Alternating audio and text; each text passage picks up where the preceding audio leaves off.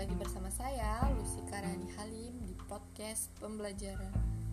Nah, kita bakal tanya jawab seputar pertanyaan-pertanyaan yang udah ada dan kita bakal coba menjawabnya.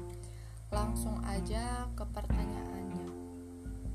Ahmad berinvestasi reksadana di salah satu vintage syariah. Dalam investasi reksadana tersebut terdapat banyak jenis investasi di dalamnya, seperti sukuk dan saham. Bagaimana analisa hukum fikih keuangan kontemporer terhadap investasi melalui vintage syariah dan investasi gabungan tersebut? Nah, baiklah, saya langsung akan menjawab pertanyaannya. Langsung aja.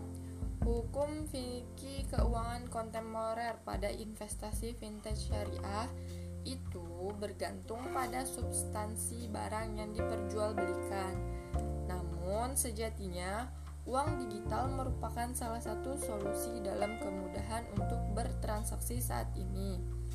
Karena fitur ini bisa memenuhi hajat-hajat primer yang halal dengan mudah, maka tingkat kepentingan aplikasi ini bernilai sama, seperti membeli barang tanpa harus menyediakan dana tunai di dompet dan tanpa harus datang ke tempat serta kesusahan lainnya. Sebagaimana kaidah, sarana-sarana itu memiliki hukum yang sama dengan tujuannya. Tetapi ada hal-hal yang perlu diperhatikan, yaitu yang pertama, terhindar dari transaksi yang dilarang dan objek akan halal serta legal. Yang kedua, bank penampungan. Jumlah nominal uang elektronik yang ada di yang ada ditempatkan pada bank syariah agar terhindar dari yang namanya riba. Poin yang ketiga ada serah terima dan ijab kabul, baik fisik atau non fisik dan sesuai dengan kesepakatan. Yang keempat, ketentuan hak dan kewajiban disetujui oleh customer.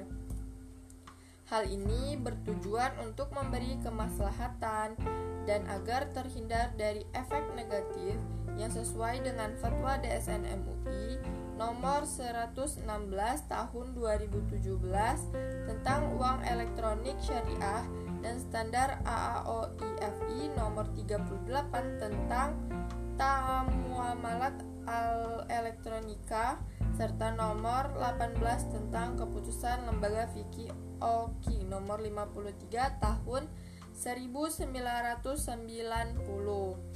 Nah, semoga itu tadi bisa menjawab pertanyaan yang ada di atas dan semoga bermanfaat. Terima kasih.